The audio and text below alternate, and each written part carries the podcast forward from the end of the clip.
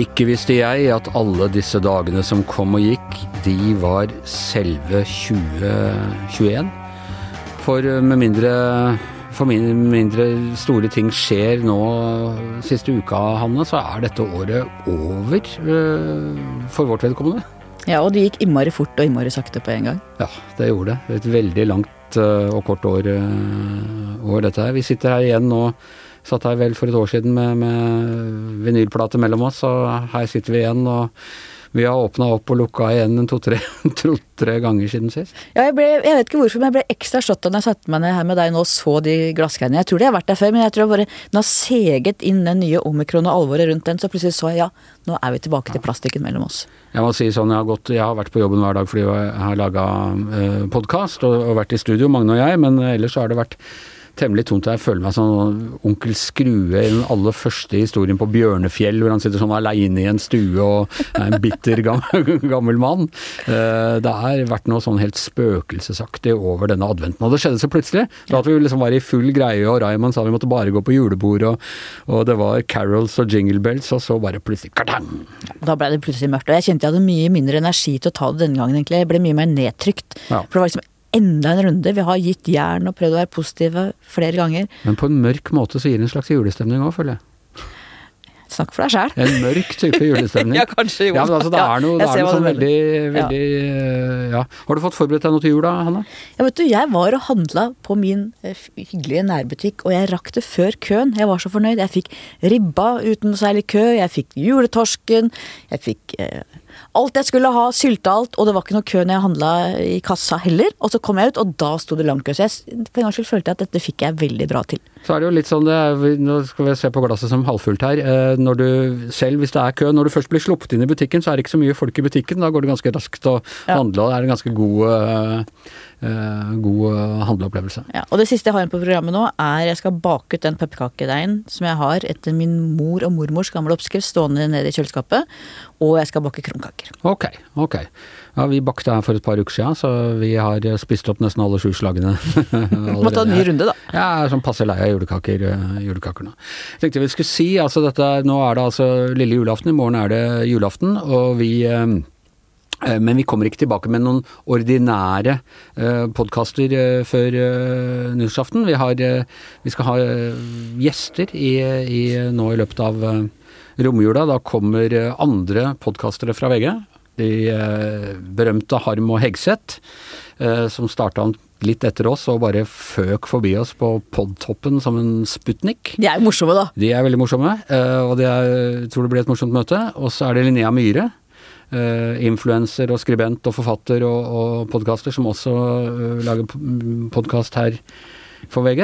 Uh, så er det Harald Eia, den kjente komiker og folkeopplyser. Og til slutt så er det uh, på, på, dagen før nyttårsaften så har vi uh, jeg må si vår søsterpod, uh, Krimpodden, på besøk. Så gjennom det blir det litt årsoppsummeringer. Altså, du og jeg skal egentlig prøve å se litt framover på på året som kommer. Det jeg blir alltid mer omtrentlig enn å se bakover. Det er ikke, ikke sjarmøretappen til oss kommentatorer. det tror jeg vi, vi, må kunne si. Vi er bedre til å komme inn etter at det hele er over og forklare hvorfor det gikk som det gikk. Ja, det liker vi. Ja. Men uh, jeg har tatt en, en prat med, og vi har måttet dele det opp pga. disse forbanna restriksjonene, så kan vi ikke være alle i studio samtidig og i det hele tatt. Jeg hadde bare for en halvtime siden en liten prat med med vår politiske kommentator eh, Tone Sofie Aglen, og kan høre på dette her. Ja, Tone Sofie, jeg, har, jeg forbinder litt denne regjeringa med, med gjenåpningen. Ja. Det var så løfterikt eh, her i høst, og vi var ute på vakre Hurdal, og det var fint vær. og eh, de hadde godt valgresultat i ryggen, og alt så lyst ut. Og så kommer desember, og så er det strømregninger, og så er det mørketid, og så er det omikron. Og nå var det en meningsmåling i Vårt Land som viste at de var nede på titallet, begge, begge regjeringspartiene? Eh, begge var vel ikke ned på titallet. Hvis Arbeiderpartiet hadde fått 10 nå, da hadde det det har vært eh, virkelig krise, for å si det sånn. Men eh, begge partiene går markant ned, og Senterpartiet hadde vel det dårligste resultatet på fire år, eller noe sånt. Ja, jeg er enig at det høres veldig dramatisk ut, så jeg går ut fra at jeg har eh, ikke skal stole helt på hukommelsen min der. Men eh, det er jo på en måte ganske opplagt uh, hvorfor det skjer. Altså de har, de har, fått to sånne skikkelige kriser midt i, midt i fleisen. Men så hørte jeg Jonas Gahr Støre på uh, Politisk kvarter på uh, onsdag, og jeg tenker at han er jo ganske god til å svare og prøve å forklare og være imøtekommende overfor kritikken, og han virker ikke verken sånn som totalt avviser problemstillingene eller i noe sånn voldsomt selvforsvar. Nei, absolutt ikke. Og det er jo en av styrkene til Jonas Gahr Støre òg, at han er um, uh, lyttende og, og uh, ikke en sånn veldig sånn hva skal jeg kalle det? Han er ikke veldig spiss i, i, formen og burde i utgangspunktet være god på å håndtere kriser. Utfordringa tror jeg handler litt om kommunikasjon. Jeg synes det, liksom, det, sa litt om hans form, eh, hans litt sånn diplomatiske form når eh, Det var vel Barneombudet som kritiserte eh, regjeringa for å gå for langt med skolestengning, og han sa at han var egentlig enig med alt Barneombudet sa, men så sa han liksom etterpå at han også var enig med Steffen Handal i Utdanningsforbundet, som var helt uenig med Barneombudet. Så det, det, blir litt sånn der eh, Ja, enig med begge parter, og vi må Det må mer forskning til, liksom. Han blir litt sånn uh, uklar, og det er vel kanskje også det som er hans svakhet.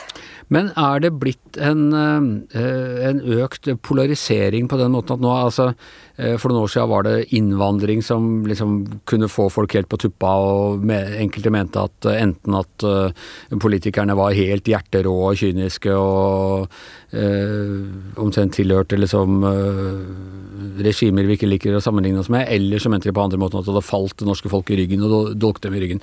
Så eh, blir det ikke så mye flyktningproblemer lenger, så blir det eh, Så er det andre ting, så er det klima som liksom splitter og blir voldsomme beskyldninger fra begge sider. Og nå er vi nede på at liksom strømprisen, som alvorlig nok for mange husholdninger, det er ikke det, men, øh, men det er ikke sånn jeg egentlig ville trodd kunne splitte folk i en sånn uh, Eliten har, har sviktet folket og må kastes? Jo, men jeg tror vel at det er de virkelig nære tingene som folk uh, kjenner på i hverdagen og føler på kroppen, som, som virkelig gjør det. Og jeg tror Apropos klima, det er en sånn typisk sak hvor uh, det er lett å mene noe teoretisk, men hvis du spør folk om nå om vi skal tenne opp et lite gasskraftverk i bakgården, eller hva det nå er, et kullkraftverk for å få ned strømprisene, så tror jeg jeg har vært tilbøyelig til å ha sagt ja sjøl. Så her jeg sitter under et pledd. altså, så det er, lett, det er lett å fyre opp, uh, opp uh, folk på sånne saker, men er det noe med at liksom, politikken tidligere har vært flinkere da til å samle seg og gå og prøve å finne de felles løsningene, mer enn å bruke det til å splitte? Jeg vet ikke om eh, det har vært sånn, men jeg tror hvert fall at det er vanskeligere og vanskeligere å, å samle om en felles eh, historie. For det, det, er så mye ulike teorier, og, og det er jo det, det så vel Senterpartiet ble beskyldt av Venstre for å spille på konspirasjonsteorier om strømpriser og ACER og alt det der. Og det er jo veldig mange som har ulike teorier om uh, hvorfor det er som det er. Men jeg tror folk flest nå, og det er jo det som er regjeringa sitt problem Det var en regjering som skulle eh, løse problemet for vanlige folk, og nå har jo virkelig det bitt i litt bak. Vanlige folk er jo nå både frustrert og sint og ganske fortvila, tror jeg over ting som eh, virker for dem vanskelig å gjøre noen ting med. Og da blir liksom det som liksom har vært prosjektene til regjeringspartiene, om å liksom snu sentralisering og gjenopprette noen domstolekontorer her og der, og sånt, det blir liksom veldig sånn uvesentlig og smått. Men øh, hvem har det største forklaringsproblemet her, Senterpartiet eller øh, Arbeiderpartiet? Det partiet som virkelig sliter nå, vil jo jeg si er Senterpartiet, som Eh, Vedum fikk jo problemer med, med, med, Stortinget, og har jo virkelig hatt en Det ser i hvert fall ut som han har fått seg en lærepenge, men den litt, litt sånn upresise, nonsjalante måten hans å omtale problemet på. Han stilte jo opp både på Stortinget og i Politisk kvarter med Altså, han hadde en hel stabel med ark og papirer foran seg. Det var nesten som et sånn lite bibliotek, og jeg tror aldri jeg har sett han med så mye papir noen gang. Så han har virkelig fått hvert fall erfare at det er noe helt annet å, å styre og ha ansvar enn å, enn å være i opposisjon, som han har vært særdeles vellykka med i mange år. Hva er det som har gått mest feil? Er det de, de, kunne ha, de kunne ikke ha sagt på Hurdal at vi fortsetter å stenge ned samfunnet for sikkerhets skyld noen måneder til. Nei, nei, nei. Og det er kjempevanskelig, og er derfor jeg sier at det er eh, Selv om de har vært litt sånn uheldige med kommunikasjonen, jeg tror nok eh, Jeg skjønner veldig godt hvorfor det skjedde, men de her ukene hvor de var veldig sånn der eh, Vær på kontoret og ikke møt så veldig mange, men dra på julebord. Sånn, den, den, den fasen der, den tror jeg var, var litt sånn eh, ødeleggende for dem. Eh, tror men så tror jeg også mentalt at vi, vi er ikke i noen dugnadsfase nå. Folk er luta lei og er mye mer kritisk. Det er det første. Det andre er strømkrisa. Der tror jeg de kom altfor sent i gang eh, med å få på plass en løsning. Hadde kanskje ikke hodet sitt der og holdt på med helt andre ting enn en strøm. Og det gjorde at både ACER-motstanden og fortvilelsen har fått bygd seg opp altfor sterk før man eh, fikk på plass en løsning. Så det er liksom de to hovedgrunnene, tror jeg. Så tror jeg det har vært litt sånn litt dårlig kommunikasjon. Alt det som eh, er godt politisk arbeid i andre departement og sånn, det er det liksom ikke helt eh, plass og rom for når, når de sakene dominerer så sterkt. Og så er det jo litt budsjettet, mener jeg også var litt sånn sjølforskyldt. At de, eh, at de eh, Det ser i hvert fall ut som at det er LO eller eh, fagbevegelsen eller SV eller andre som har fått på plass eh, løfter og hjertesaker for dem. Og, så det, liksom, de virker litt sånn fra skanse til skanse. Da. Og det, der mener jeg at de sjøl kunne tatt et større ansvar. Kanskje de ikke burde gått så hardt ut mot kommunikasjonsbransjen som det eh, Vedum gjorde, for det virker jo som at de har litt å lære der. Eh, Absolutt, men jeg, jeg tror vel ikke at det liksom nødvendigvis handler om at, uh, at de liksom mangler kommunikasjonsferdighetene. Sånn Jonas for eksempel, er jo en veldig god kommunikator. Ja, og så hvis vi skal se litt inn i fremtiden, hvilke kriser kommer til å komme til neste år? Hvilke statsråder må gå av, og blir regjeringen sittende året ut? Ja, nå har jeg alltid sagt, eller eh, i hvert fall lært, the hard way, at vi kommentatorer er vel bedre til å etterrasjonalisere enn til å spå hva som eh, kommer til å skje. Og for eksempel så trodde jeg at denne regjeringa skulle få en, en veldig god start med alt det den kunne reversere og sånn. Og det, det, det vi ser gang etter gang, er jo at både hva som vil bli de vanskelige sakene, nesten umulig å forutse, for det er så uforutsigbart. Ofte er gjerne sånn små fillesaker som eh, virkelig eh, blir vanskelig. Også hvilke statsråder som eh, havner i trøbbel. Og det er jo også sånne saker du ofte ikke forutser i det hele tatt. Men eh, jeg tror nok at regjeringa blir sittende et år til, så er jeg også veldig spent på hvordan eh, opposisjonen finner formen etter hvert. Ja. Det er synd at ikke Anna Elisabeth Westerlund er blant oss lenger. På disse tider pleide hun å stå fram i alle ukeblader og fortelle om hva som skulle skje til neste år. Vi- altså stort sett Det var lettere før internett, hvor folk kunne minne deg på alle de pinlige spådommene du har hatt om hvordan ting kom til å bli. Ikke sant, alt er, alt er blitt verre. Og det er regjeringa som har skylda. Ja. Tusen takk skal du ha, Tone Sofie. Ja, hva tror du, Hanne? Eh, Regjeringens problemer, skyldes det kosmisk urettferdighet, eller er det et kommunikasjonsproblem? Jeg svarer veldig kjedelig. Jeg vil si at det er en blanding av de to. Og det er Ja. klart at de fikk jo kriser virkelig i fanget. Og den omikron var jo både ventet og helt overraskende. Eh, og? De overtok et land hvor alt var åpent og vi var, følte oss frie og glad. Og hvor det måtte ha vært åpent, du kunne ikke ha liksom bare holdt igjen for sikkerhets skyld i tilfelle det kom et omikron. Nei, føre var-prinsippet fungerer dårlig på pandemier. Da hadde vi vært stengt hele tida. Altså Noe kan du jo planlegge for, du kan ha nok legemidler og smittevernutstyr og sånn. men- Men så tror jeg også at de møtte en befolkning som var veldig lei og slitne, og på en måte tenkte og dette, Vi vet at du blir ikke like syk av omikron som deltaen, at folk har tatt det litt roligere. Det har vært vanskeligere å få oppslutning om både tiltak og oppslutning om de som bestemmer det, nemlig regjeringa. Og så er det litt sånn, tenkte jeg akkurat på her, nå driver de og demonterer disse her monsterfylkene. Og det koster masse penger, og ingen bryr seg. Det er ingen gevinst av det, samtidig må de nesten gjøre det. For det var, det var liksom sånne ting de gikk, på, gikk til valg på, og, og nå virker det som de tingene betyr absolutt nada. Ja, det der med Viken er helt totalt natta. Eh, altså At det går an å skulle bruke masse masse penger på reversering. Folk flest har jo aldri hatt noe forhold til fylkeskommunen sin. Men, men de gikk til valg på dette her, og det Ja, var av de tingene som liksom sånn Høyre skjønner ikke dette, og vanlige folk er opptatt av at de vil ikke være i samme fylke, Hemsedal og Hvaler, liksom. Men vi har jo tradisjon, solid tradisjon i Norge for at også store reformer som er upopulære hos opposisjonen, da følger man opp og gjennomfører det. Og så kan du si mye om den regionsreformen. Det er den reformen, tror jeg, i norsk historie med minst politisk oppslutning. Ingen ønska det egentlig, andre enn Venstre og KrF. Minst folkelig oppslutning. Det var en helt Unnskyld meg, Anders. Ræva reform. Det er greit, sa Hanne. Takk. Men når den først er gjennomført. Det å skulle bruke masse krefter på å føre tilbake igjen til fylkene. Jeg tror ikke, Det er veldig få nordmenn som veit hvem som har vært deres fylkestingsrepresentanter. Til og med deres fylkesordfører. Det har vært et veldig sånn fjernt nivå. Hemmeligste og best lønna faktisk også nivået i politikken. Å gå tilbake dit, nei, det, jeg, vet jeg syns bare det er helt håpløst, Anders. Men er det også litt sånn at eh, et litt et tegn på hvor pass godt vi faktisk har det her i landet. Fordi man var egentlig bare lei av den regjeringen man hadde, for man hadde hatt den så lenge. Eh, så har du en opposisjon som flyr litt og leter etter seg sjæl, og så finner de denne her med nå er det vanlige folks tur, og, og makten er flytta for langt fra folket og sånne ting. Så har du et par sånne høylytte i, i heiagjengen der. Noen uh, kommentatorer, ingen nevnt og ingen glemt, i, i sentralt plassert i norsk presse, som lager kjempenummer ut av disse sakene. Og så viser det seg, when push comes to show, så er det helt andre ting som egentlig er avgjørende for uh, folks hverdag enn sånne symbolsaker. Absolutt, men så tror jeg nok også at, at det ligger de politiske motsetningene mellom Erna Solberg-regjeringen og Jonas Gahr Støres regjeringsprosjekt er også ganske tydelig når det gjelder fordeling og eh, privatisering og de store ideologiske spørsmålene. Men som du sier, de gikk jo til valg på symbolsaker som egentlig er mye mindre forankra i virkeligheten enn de store, viktige sakene. Eh, og så har de på en måte stilt seg på en sånn måte at hver gang, hver gang det kommer til de der store fordelingsspørsmålene, så er det sånn ja, nei, da blir de stående og nølle litt, og så går de til SV, og så kommer liksom Audun Lysbakken 'Jeg skal redde dette her', ikke sant. Og så ja. går med et liksom svinger han med Eller gjør en hypnotisk bevegelse eller et eller annet sånt ting, og så var det litt penger likevel. Så det er liksom SV som får all gevinsten av, av det de på en måte gikk til valg på, at de skulle være mer sånn skape mindre forskjeller mellom folk og sånn. Ja, for eksempel budsjettet hvor de da ikke hadde lagt inn feriepenger for permitterte, som var helt åpenbart at det var det LO ville ha aller mest. Det var det SV kom til å kreve. At de ikke la inn det, men ga den seieren til SV og sto på det ganske lenge, sammen med lønnsstøtte. Altså de har måttet gi etter og gi etter.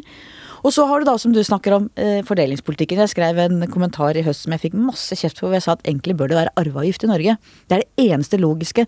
Eh, Piketty, som er den franske forfatteren og økonomen som eh, argumenterer for, eller dokumenterer hvordan ulikheten er, sier at arveavgift er det åpenbare. USA, de store landene, nesten alle land har arveavgift. Da fikk jeg masse kjeft. Selv det tør ikke Arbeiderpartiet å gå inn for, som er helt åpenbar. Ja, som er kjernen, på en måte, av forskjellen på kapitalismen og ja. ja. som virkelig gjør Som vil være den store forskjellen åra framover, er jo arv.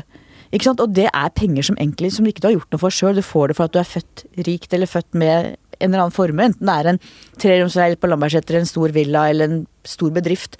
Men selv der så tør de ikke å gå det løpet ut heller på det som egentlig teller, nemlig fordelinga. Men ja, det virker jo kort siden vi sto der ute på Hurdal i det, i det fine været og fikk høre Hurdalsplattformen. Uh, en av de tingene som overrasket noe, det var uh, at, at, de allerede dette relativt tynne uh, regjeringsmanifestet lover å satse på tusenårsjubileet for slaget på Stiklestad. Den så du ikke komme, Hanne? Nei, og jeg vet at en av kollegaene våre var veldig glad for det. Nemlig. Vi har, vi har den mannen som jeg tror i Norge, i hvert fall, i norsk presse, kan aller mest om Stiklestad. Hjertelig velkommen, Yngve Kvistad. Takk for det. Det var vel en gledens dag der ute i den uh, nasjonalromantiske tømmervillaen uh, på Drammenskanten uh, da Hurdals Plattformen ble presentert med eh, løfte om satsing på eh, tusenårsjubileet for eh, Stiklestad. Ja da, da spretta vi kulturmjølka. ikke sant. Ikke sant. Ja, du har jo skrevet flere, flere bøker om, om, Stiklestad og spelet, og, og, mye kommentarer her også om, om betydningen for det. Og i morgen på selveste julaften så har du og vår meget gode tegner Roar Hagen vært på besøk ved Gol stavkjerke for å uh, markere, hva skal du si, uh, kristningen av Norge? Ja, om ikke å markere kristningen av Norge, så i hvert fall markere at, uh, at jubileet for kristningen av Norge da skrevet inn i en regjeringsplattform. Og det er jo vel antakeligvis første gangen at det har skjedd, altså det er veldig spesielt. Så vi, vi tok med oss uh, Trond Bakkevik, uh, anerkjent eh, prelat, teolog, doktor Teol, eh, ut på, ut på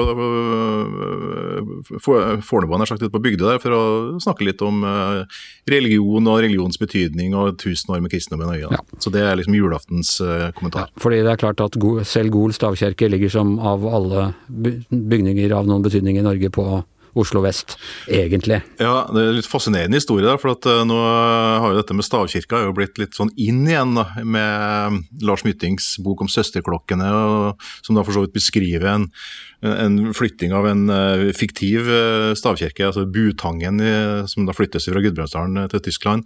Men også Gol stavkirke er jo, er jo, jo flytta fra Gol til Folkemuseet og ble også oppkjøpt av en konge.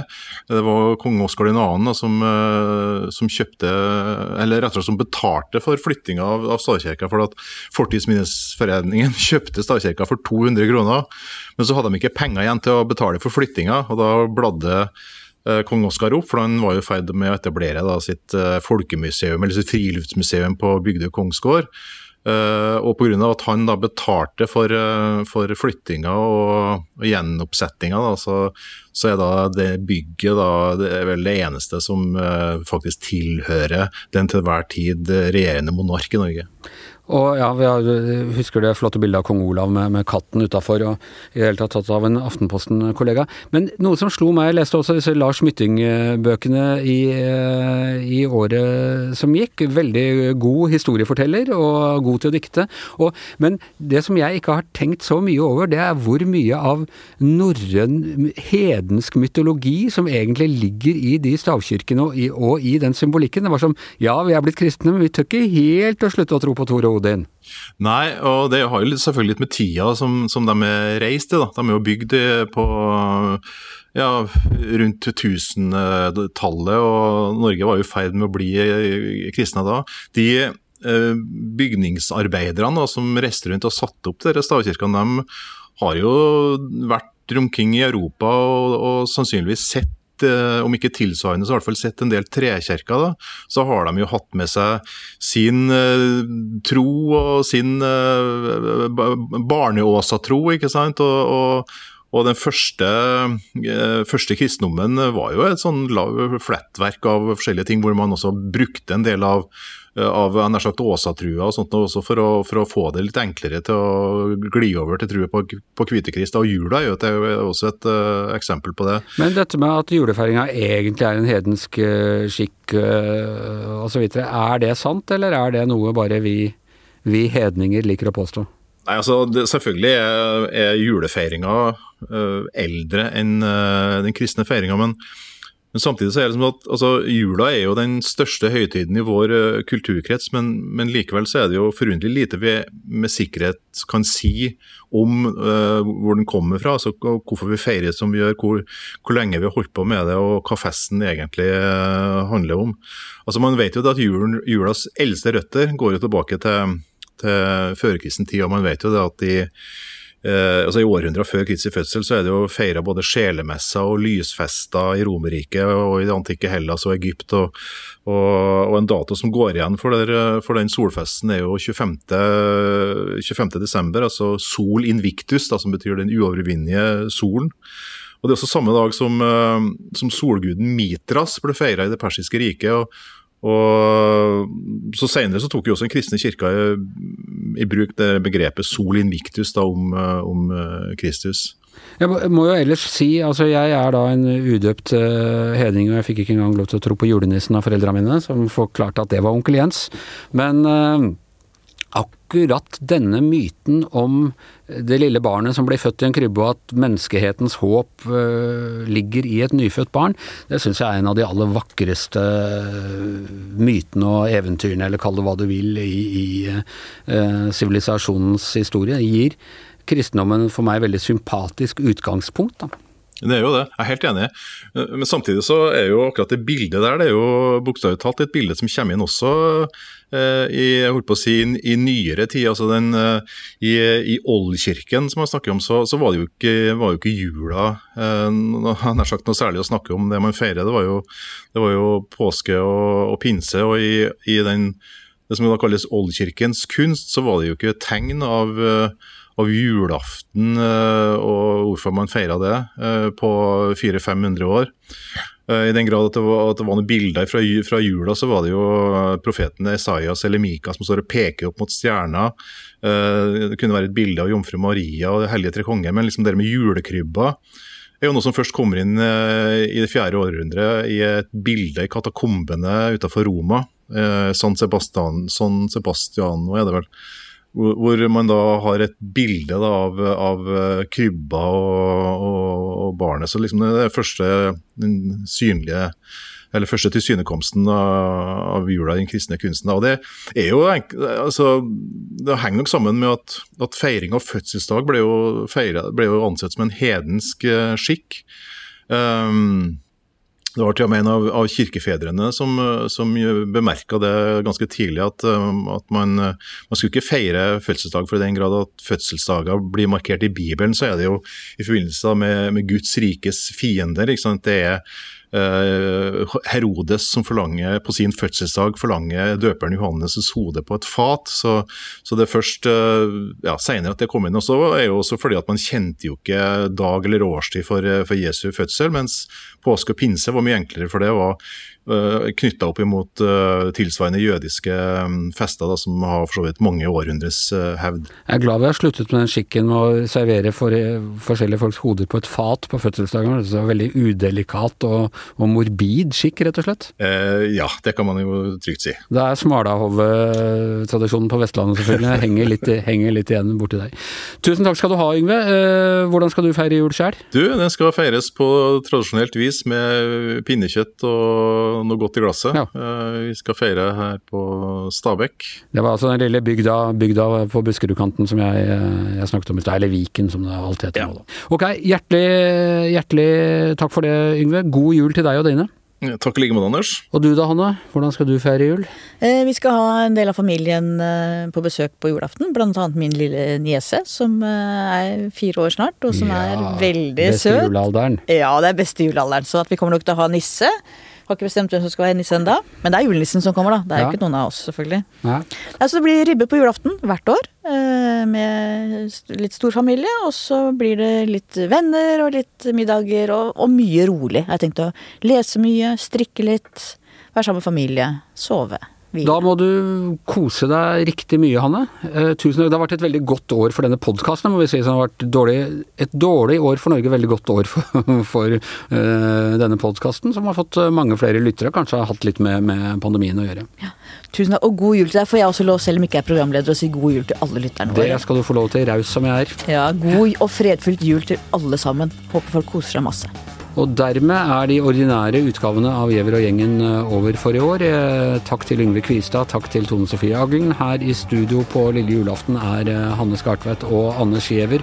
Og mannen som er vår julenisse, er selvfølgelig produsent Magne Antonsen.